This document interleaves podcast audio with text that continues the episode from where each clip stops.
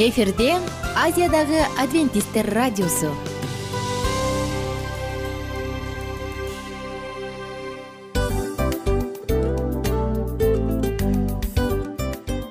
Достор салют. Баардык сүйүктүү угармандарыбызга салам айтабыз. Кутман күнүңүздөр менен. Ден соолук өмүрдүн булагы демекчи саламат саамы программасында баарыңыздарды көргөнүбүзгө абдан кубанычтабыз. Анда алгач амандашып өтөлү арбаңыздар деп. Ден соолугуңуздар кандай элибизде көбүнчө ден соолук кандай дегенде эле жакшы деп жооп беребиз э? ооруп турсак дагы жакшы дейбиз анан мен муну айтып ойлойт элем бул абдан сонун сөз депчи анткени бул жакшы деген үмүт да э баары жакшы болот. Баары сонун. Деп үмүттөнүп атып эле өзүбүздү өзүбүз дарылап коебуз. Анысы кандай? Сиздин дагы ден соолугуңуз жакшы беш деген үмүттөбүз чындыгында ден соолук бул өмүрдүн булагы деп бекеринен айтылган эмес деп ойлойм. Кыргыз элинде анткени эгерде ден соолук жок болсо анда адамдын жашоосунда калган баардык керектүү маңыздуу нерселер өзүнүн баалуулугун жоготуп коет. Ошондуктан ден соолук бул эң керектүү нерсе. Ооба туура айтасың кесиптешим. Чынында ден соолугуң жок бир эки үч күн ооруп калсаң эле э кандай болуп калат? Жашоодо көз каранды болуп каласың көп нерсеге жетишпей каласың көп нерсени кыла албай каласың жада калса эшикке дүкөнгө да чыга албай каласың. Туптуура анан ден соолук болсо демек биз биздин бактыбыз тотой деп койсок болот. Анда достор саламат саамы рубрикабызды баштайлы. Алдыда өзүңүзгө керектүү болгон сонун кеңештерди уга аласыздар. Мына ошондуктан биз менен бирге болуңуздар. Ал эми биз болсо милан жана айнура. Кеттик алга. Алга саламат саама ден соолуктун жарчысы. Саламат саама ден соолуктун ачкычы. Күн сайын сиз үчүн мыкты кеңештер сонун жаңылыктар кызыктуу фактылар. Биздин рубрикада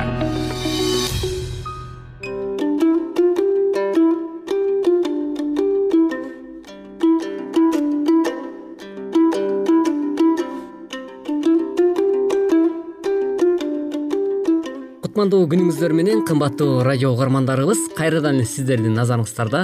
Ден соолуктун ачкычтары программасы. Бүгүнкү программабыздын чыгарылышында биз сиздер менен эң пайдалуу он азык туурасында сүйлөшмөкчүбүз.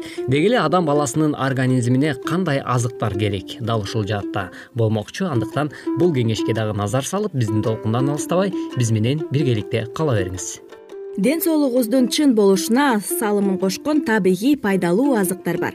Албетте булардын катарын жашылча жемиштер ар кандай түрлөрү менен э, толуктай берүүгө болот. Бирок негизгилери төмөндөгүлөр. Балык. Эгер балыкты бир жумада үчтөн кем эмес жолу эттин ордуна пайдаланса жүрөк ооруларын алдын алып кандагы холестериндин деңгээлин сактасаңыз болот балык өзүнүн баалуулук касиеттери жагынан этти алдына чыгарбайт ооба чындап эле баягы балык бул өтө. Биринчиден э, баягы эт азыктарына салыштырмалуу адамдын ашказанына сиңимдүүлүгү жагынан активдүүлүгүн жоготпойт эмеспи. Бүгүнкү учурда ушул балык азыктарын колдонуу дагы албетте бул жакшы жардамын берет. Анткени кандайдыр бир өзгөчө ушул кан басымы жогору ар кандай оорулар менен күрөшүп жаткан инсандарга балыкты жегенге дагы адистер сунуштап келишет экен балык дагы бат сиңет эмеспи ошондуктан балык дагы бул диеталык тамакка кирет. Ооба сөзсүз түрдө анан ошол эле учурда негизи эле балык бул өзү аябай ден соолукка пайдалуу азыктардын катарына кирет. Андыктан э, негизи эле балыктын көп э, ден соолукка тийгизген таасирлери өтө көп. Андыктан балык азыктарынан көбүрөөк э, азыктаныңыз деген сунушубузду да айткыбыз келет ошо менен бирге эле э, кара нан туурасында дагы э, пикирибизди улантсак деги эле кара нанды кандай колдонушубуз керек жана аны кандай э, шарттарда көбүрөөк жешибиз керек? Андан сырткары дагы кандай өнөкөт ооруларга дуушар болгон адамдар кара нанды колдонгонго болбойт? Ушул туурасында дагы маегибизди улантабыз кара нан витаминдерге минералдык заттарга гана бай болбостон мында клетчатканын көп өлчөмү бар.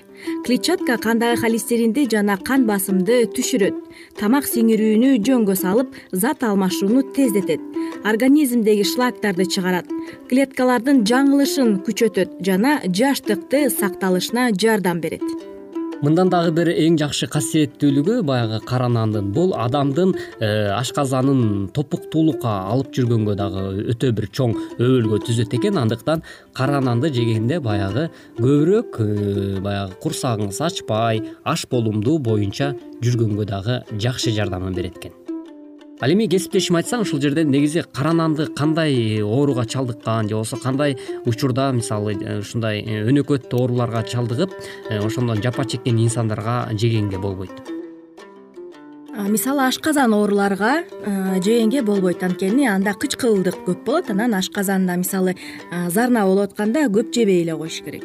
Ооба сөзсүз түрдө эгерде сиздин кандайдыр бир ички абалыңызда ашказаныңыз ооруган болсо анда кара нандан этият эле болуп баягы сөзсүз түрдө жебей коюш керек эмес бирок өзүңүздүн ошол күнүмдүк азыгыңызга колдонсоңуз болот экен бирок өтө көп эмес өзүнүн нормасында жана кант диабет менен ооругандарга бул жалаң эле кара нан жеш керек анткени ак нан аларга болбойт. Ооба ушундай жактары да бар. Ал эми мындан аркы сапарыбызды жана пикирибизди уланта берсек азыр болсо ушул алма туурасында дагы э, маегибизди улантмакчыбыз деги эле алма дегенде кулакка дагы жагымдуу угулат ал эми жесең дагы ушунчалык э, даамдуулугу дагы э, таңдайыңан кетпейт эмеспи алма десек эле биз мисалы алманы дагы жашартуучу жемиш деп айтып коет эмеспизби ооба сөзсүз түрдө э, баягы жашаргың келсе алманы көбүрөөк же деп коет эмеспи эл оозунда. Андыктан э, ушул жаатта дагы алманын кандай касиеттүүлүктөрү бар экен ушуга токтолсок. Адамдын организминде эң керектүү болгон он беш витаминдин алмадан он экиси табылды. Булар б с е п жана башка витаминдер. Эгер күн сайын алма жесек жүрөк кан тамыр ооруларына болгон коркунучту азайткан болор элек мындан тышкары алма клеткаларды картаюудан сактоочу антиоксидантка бай келет экен мисалы бир күндө бир алма жесек бул аябай пайдасы тийгизет экен ооба сөзсүз түрдө негизи эле баягы алманы дагы көргөндө мисалы э, кандайдыр бир идиште э, он чакты жыйырма чакты отуз дейбизби ушундай алма турган болсо аны баардыгын бир көргөндө бир эле жеп албастан э, негизи адистер дагы көбүрөөк сунуштап келет экен. Бир күндө адам баласына бир алма жетиштүү экен. Ошондуктан күнүнө сиз аш бөлмөңүздө өзүңүздүн ушу тамактанаар алдында бир алманы күндө жей турган болсоңуз бул дагы сиздин саламаттыгыңыздын чың болушуна жардамын тийгизет экен жана баарыбыз эле алманы жакшы көрсөк керек. Мен уккан эмесмин мен алманы жаман көрөм деген адамдарды. Ооба сөзсүз түрдө мен деле э, буга чейин мен алманы жегим келбейт же болбосо алма мага жакпайт деген э, эч бир инсанды жолуктура элекмин. Андыктан алма деген ушунчалык э, жакшы азыктардын катарына кирет эмеспи жана эң жакшы алма бул кыргызстандын алмасы болуш керек э?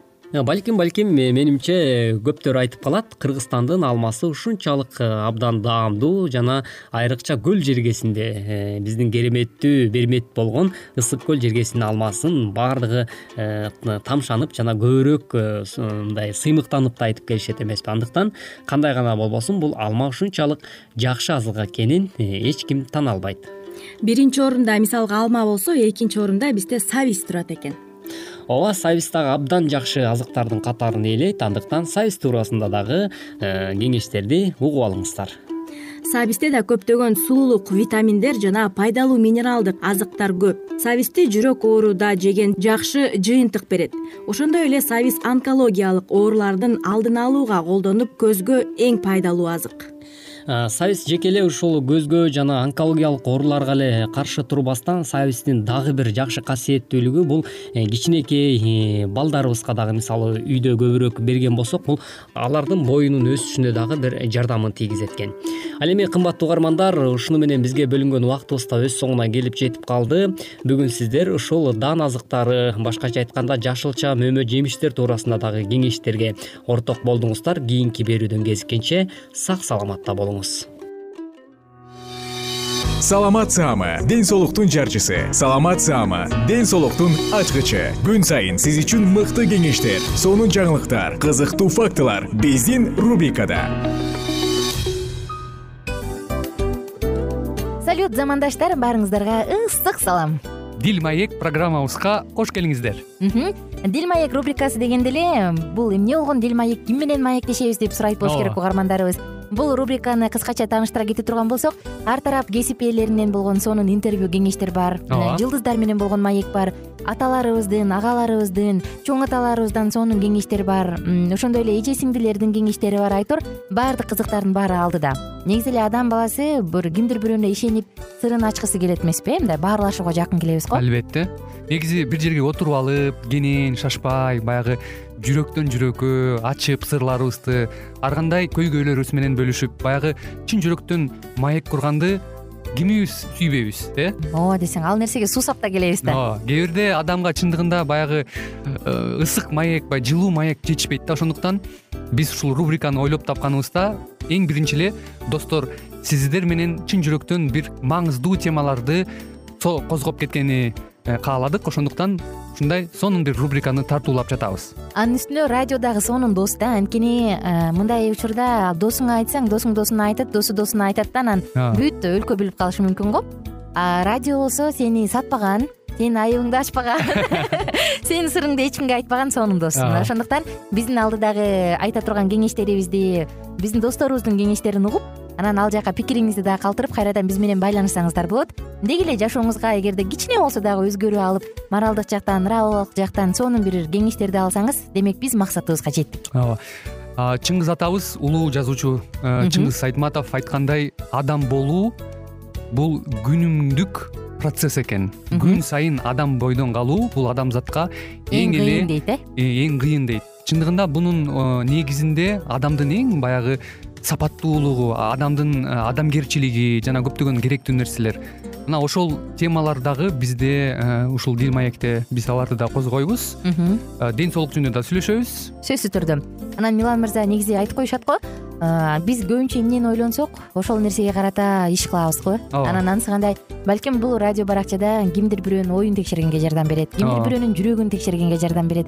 Балким кимдир бирөөгө жашоонун маңызын тапканга жардам берер. Айтор кызыктын баары алдыда бул жөн гана кыскача жарнама анда угармандарыбыздын баардыгын кийинки рубрикабызга чакырабыз. Ал эми кызматта маңдайымда отурган кесиптешим милан жана мен айнура. Анда эмесе биз даярдаган терең терең ойлор менен таанышууга кеттик. Алыс алыс баралык анда эмесе достор биз менен бирге болуңуздар. Алдыда эң кызыктуу маалыматтардын баардыгы бир нече мүнөттөр бою жалгыз гана сизге арналат мына ошондуктан жакшы маанай менен угууну каалайбыз. Үн алышканча.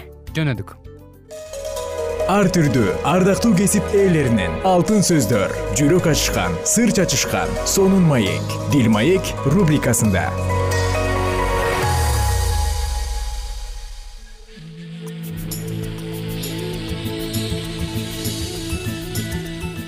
кутмандуу күнүңүздөр менен кымбаттуу радио угармандарыбыз кайрадан сиздердин назарыңыздарда кыргызстанга саякат аттуу программабызды баштап жаткан учурубуз. Бүгүнкү программабыздын чыгарылышында биз сиздер менен кыргызстандын кайсыл аймагына саякатка бирге барабыз дей турган болсоңуздар. Өткөн берүүбүздү эсиңиздерге салып өтсөк кыргызстан аймагынан орун алган ири суулар же болбосо көлдөр туурасында дагы биз сөз кылганбыз. Ал эми ушул эле сапарды улай бүгүн дагы биз суу жаатында программабызды улантабыз деги эле э, суу бул кыргызстаныбыздын мекенибиздин байлыгы болуп эсептелинет эмеспи. Андыктан кыргызстанда отуз үч суу э, сактагыч жана ошондой эле бассейн бар экен. Мына ушул туурасында бүгүнкү программабызда сөз кылабыз. Андыктан бул дагы сизди кызыктырган болсо биздин толкундан алыстабай биз менен биргеликте кала бериңиздер.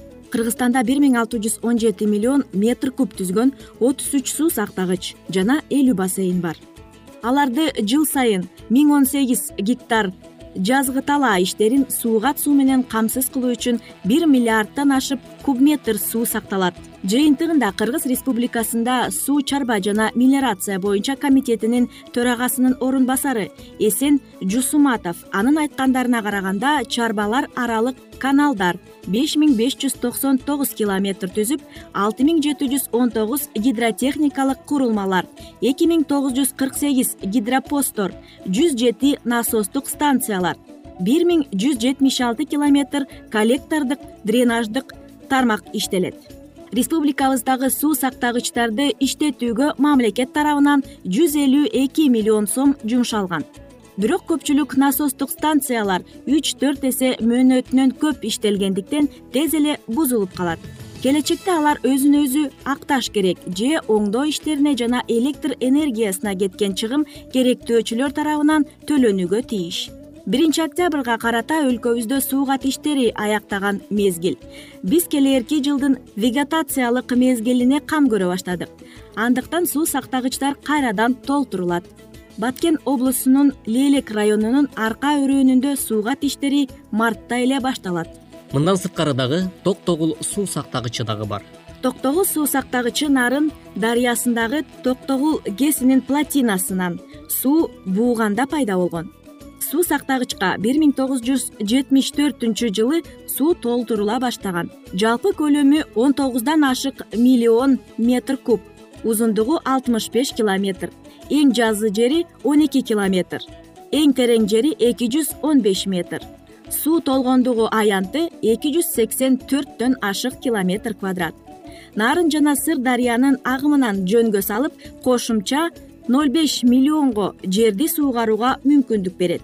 Платинанын узундугу эки жүз токсон эки метр туурасы кырк үч метр бийиктиги эки жүз он беш метр. Жалпысынан тогуз жүз он үч миң гектар сууну суу менен камсыз кылат. Негизинен өзбекстандын аймагын кыргызстандын негизинен энергетиканын кызыкчылыгы үчүн курулган суу сактагыч болуп эсептелинет ошондой эле орто токой суу сактагычы дагы бар. Орто токой суу сактагычы кыргызстандагы эң алгач курулган суу сактагыч. Нарын облусундагы кочкор районунун аймагында чүй дарыясынын нугунда. Балыкчы темир жол бекетинен жыйырма километр бир миң тогуз жүз кыркынчы жылы он тогузунчу марттагы токтому боюнча курулган. деңиз деңгээлинен бир миң жети жүз метр бийиктикте жайгашкан. платинасы бир миң тогуз жүз кырк биринчи жылы курула башталып бир миң тогуз жүз алтымыш биринчи жылы аяктаган. узундугу он сегиз километр. эң жазы жери беш километр. терең жери кырк жети метр. анын суу толгондугу аянты жыйырма төрт километр квадрат. сыйымдуулугу төрт жүз жетимиш миллион метр куб суу сактагычтан алынган суу менен жүз жыйырма миң гектар жер кыргызстандын сексен алты миңге казакстандын отуз төрт миң гектар жери суугарылат секундасына орто эсеп менен он экиден ашык метр суу чыгарылат. Платинасы төмөнкү орто токой капчыгайынын башталышында жайгашкан. Анын бийиктиги элүү эки метр узундугу үч жүз алтымыш беш метр туурасы кырына чейин алты метр. Суу чыгуучу тоннелинин узундугу беш жүз алтымыш жети метр диаметри төрт жарым метр капчыгайдын оң жантайышындагы асканын алдында жасалган чүй суусунун агымын жөнгө салып турат ошондой эле киров суу сактагычы дагы кирет киров суу сактагычы талас областындагы киров районунун аймагында бир миң тогуз жүз алтымыш бешинчи жылы курула баштап бир миң тогуз жүз жетимиш бешинчи жылы ишке киргизилген суу сактагыч талас суусунун нугунда курулган негизинен суугатчылыкка пайдаланылып ишканалардын суу менен камсыз кылат. Суу агымын сезон боюнча жөнгө салып турат. Узундугу он төрт километр эң жазы жери үч километр эң терең жери жетимиш эки метрди түзөт. Суу толгондогу аянты жыйырма сегиз метр квадратка жетет. Сыйымдуулугу беш жүз элүү миллион метр куб. Талас областынын жүз кырк эки миң гектар жерин казакстандын айрым райондорунун алтымыш миң гектар жери суугарылат платинанын узундугу эки жүз элүү сегиз метр эң бийик жери сексен үч метрден ашат. Гидротех курулушу татаал өлкөдөгү контрфост тибиндеги курулган туңгуч платина бири бирине тутамдашкан он бөлүктөн турат. Ар биринин туурасы жыйырма эки метр суу сактагыч в формасында жаңы ыкмаларды колдонуп суу сактагычты курууга катышкандарга бир миң тогуз жүз сексен экинчи жылы сссрдин мамлекет сыйлыгы ыйгарылган. Мындан сырткары дагы папан суу сактагычы дагы бар. Папан суу сактагычы ош облусунун кара суу району аймагында жайгашкан. Каптар капчыгайында ак бура суусунун нугуна курулган. Ош шаарынан он алты километр аралыкта көп жылдык суу агымын жөнгө салат суугатка пайдаланылат бир миң тогуз жүз сексен үчүнчү жылы ишке киргизилген. Узундугу сегиз жарым километр. Эң жазы жери бир жарым километрден ашат. Эң терең жери жүз метрди түзөт. Ош облусунун кара суу районунда жайгашкан папан суу сактагычы эскерте кетсек папан суу сактагычы бир миң тогуз жүз сексен төртүнчү жылы пайдаланууга берилген. Суу сактагыч алай кара суу араван райондорунун жана өзбекстандын жалпысы отуз тогуз миң гектар жердин суугаруу үчүн ошондой эле ош шаарынын калкынын сексен жүз миллион куб метр ичүүчү суу менен камсыздоо максатында курулган бүгүнкү программабызга назар салганыңыздар үчүн ыраазычылык билгизүү менен биргеликте эмки берүүбүздөн биз дал ушул аба толкундан э, сиздер менен үн алышканча программабыздын көшөгөсүн жапмакчыбыз. Кийинки берүүбүздөн сиздер менен дал ушул аба толкундан амандашканча сак саламатта калыңыз. Ар түрдүү ардактуу кесип ээлеринен алтын сөздөр жүрөк ачышкан сыр чачышкан сонун маек дил маек рубрикасында жан дүйнөңдү байыткан жүрөгүңдү азыктанткан жашооңо маңыз тартуулаган жан азык рубрикасы.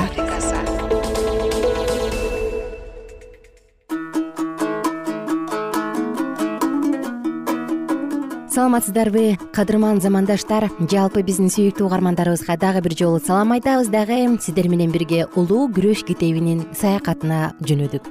Анда эмесе баарыңыздарды кош келиңиздер деп чакырабыз касиеттүү жайдын короосу чөл үстүндөгү касиеттүү жай муса аркылуу ага тоодо көргөзүлгөн үлгүдөй болуп жасалган.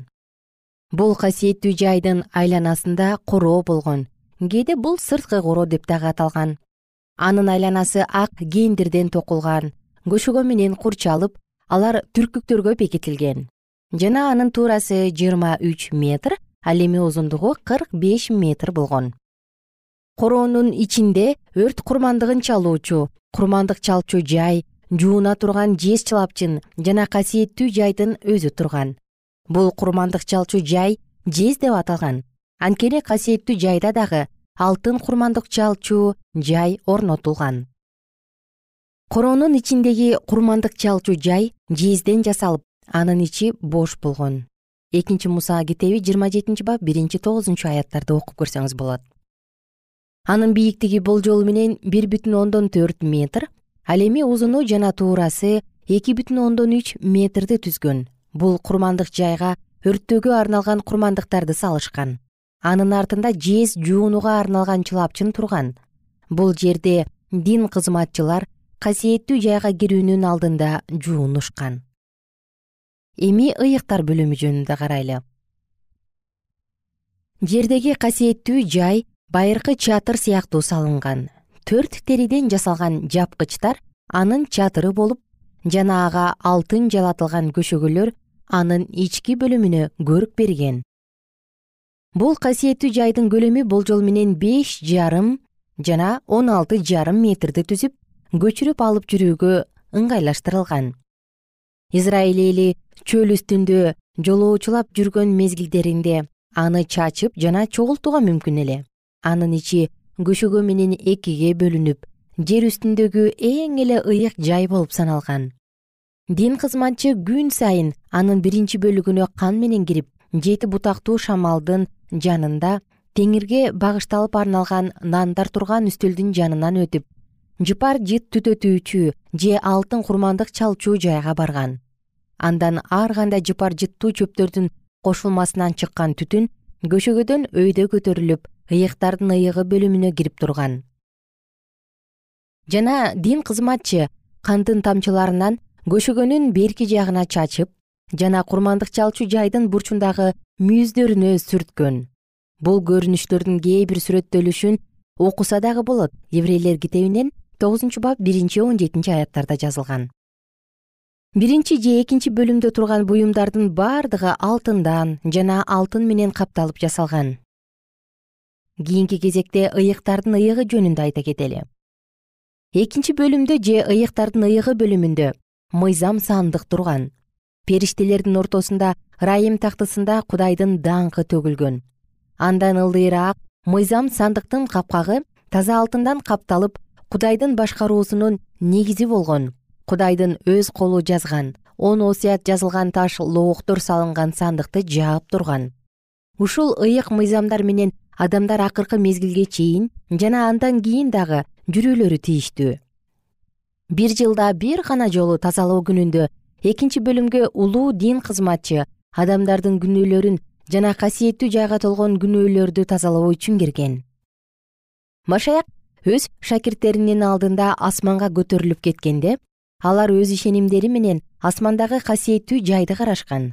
Ал жерде алардын үмүтү орун алган бул туурасында элчи павыл мындай дейт. Ал үмүт жан үчүн кармана турган бекем жана коопсуз негиз болот жана көшөгөнүн ички тарабына кирет. Ал жакта биз үчүн ыйса кирди жана түбөлүк улуу дин кызматчы наамын алды.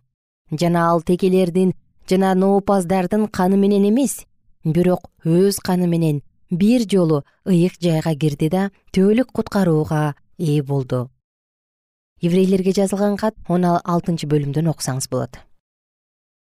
Касиеттүү жайдын биринчи бөлүмүндө өткөрүлгөн кызматтар он сегиз кылым аралыкты камтыган. Машаяктын каны тобо келтирген күнөөкөр үчүн аларды ата менен жараштырууга өз элдештирүүчү кызматын аткарды. Бирок бул күнөөлөр баштагысындай эле асмандагы китептерде жазылуу болгон бойдон калган. Жердеги үлгү кызматында бир жыл убакыт өткөндөн кийин касиеттүү жай тазаланган сыяктуу машаяктын адамзатты куткаруу кызматынын аяктаар мезгилинде дагы. Асмандагы касиеттүү жайды тазалап андагы бардык топтолгон күнөөлөрдөн аны арылтуу керек болгон. Эки миң үч жүз пайгамбарлык күндүн бүтүшүнөн кийин баштала турган кызмат мына ушул эле. Даниэль пайгамбардын пайгамбарлыгы боюнча биздин улуу дин кызматчы ошол мезгилде ыйыктардын бөлүмүнөн өз кызматынын акыркы касиеттүү жайды тазалоо бөлүгүн аткарыш үчүн ыйыктардын ыйыгы бөлүмүнө кирген. Байыркы мезгилде адамдардын күнөөлөрү ишеним аркылуу курмандык малдардын үстүнө жүктөлүп жана алардын каны аркылуу касиеттүү жайга киргизилгендей жаңы осуятта дагы биздин күнөөлөр ишеним аркылуу машаякка жүктөлүп анын каны аркылуу асмандагы касиеттүү жайга киргизилет жана жердеги касиеттүү жайдагы кызматта аны күнөөдөн тазалоо менен ишке ашкан сыяктанып асмандагы касиеттүү жайдын кызматы дагы ал жакка киргизилген күнөөлөрдөн тазалоо же жок кылуу менен аяктайт. Бирок ким машаякка ишенүү жана тобо кылуу менен куткарылууга ээ болорун билиш үчүн асмандагы китептерди окуу зарыл. Ошондуктан касиеттүү жайды тазалоо өзүнө тирүүлөрдүн жана өлгөндөрдүн иштерин териштирүү ишин камтыйт. Бул тергөө соту. Бул кызматтардын бардыгы. Машаяк өз элин куткарып алыш үчүн ар бир адамдын ишине жараша тиешесин берүүгө келген мезгилге чейин аткарылуусу керек.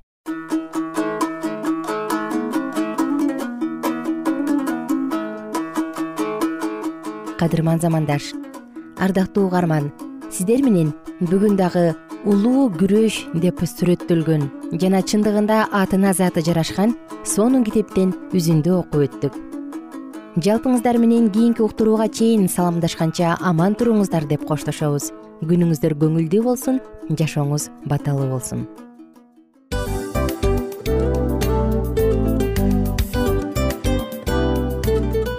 мына ушинтип убакыт дагы тез өтүп кетет экен биз дагы радио уктуруубуздун аягына келип жеттик. Келип кубандырдыңар эми кетип кубандыргыла деп тамашалап калышат эмеспи анысы кандай? Радио баракчабызды программабызды азыр эле баштап аткандай болдук элек мына соңуна келдик э негизи убакыт э, билинбей өтүп кетет экен? Мен дагы э, убакыт дегенде бүгүн бир адам менен сүйлөшүп калдым. Анан убакыт бул мүмкүнчүлүк деп айтып өзүмө өзүм айтып алып анан мага өзүмө эле кайра ачылыш болду да чын эле Э, карап отурсаң ошол эле жыйырма төрт саат ошол эле жарым саат кайталанып атат. Бирок сендеги мүмкүнчүлүк жок ошол кой берилип кетти? Анысы кандай? Бүгүнкү сонун убактыңызды алтындай болгон жарым саатыңызды бизге бөлүп арнаганыңыз үчүн ыраазычылык айтабыз.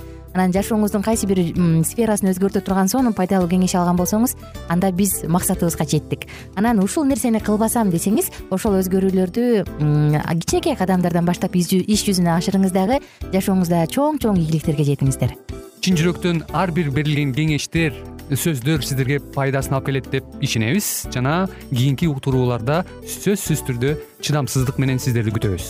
Сагынычтуу салам айтып кайрадан дал ушул жыштыктан баардыгыңыздарды тосуп алганча. Кызматта мен айнура жана кесиптешим милан анда кол булгалайбыз жалпыңыздарга ийгиликтүү күн. Саламатта калыңыздар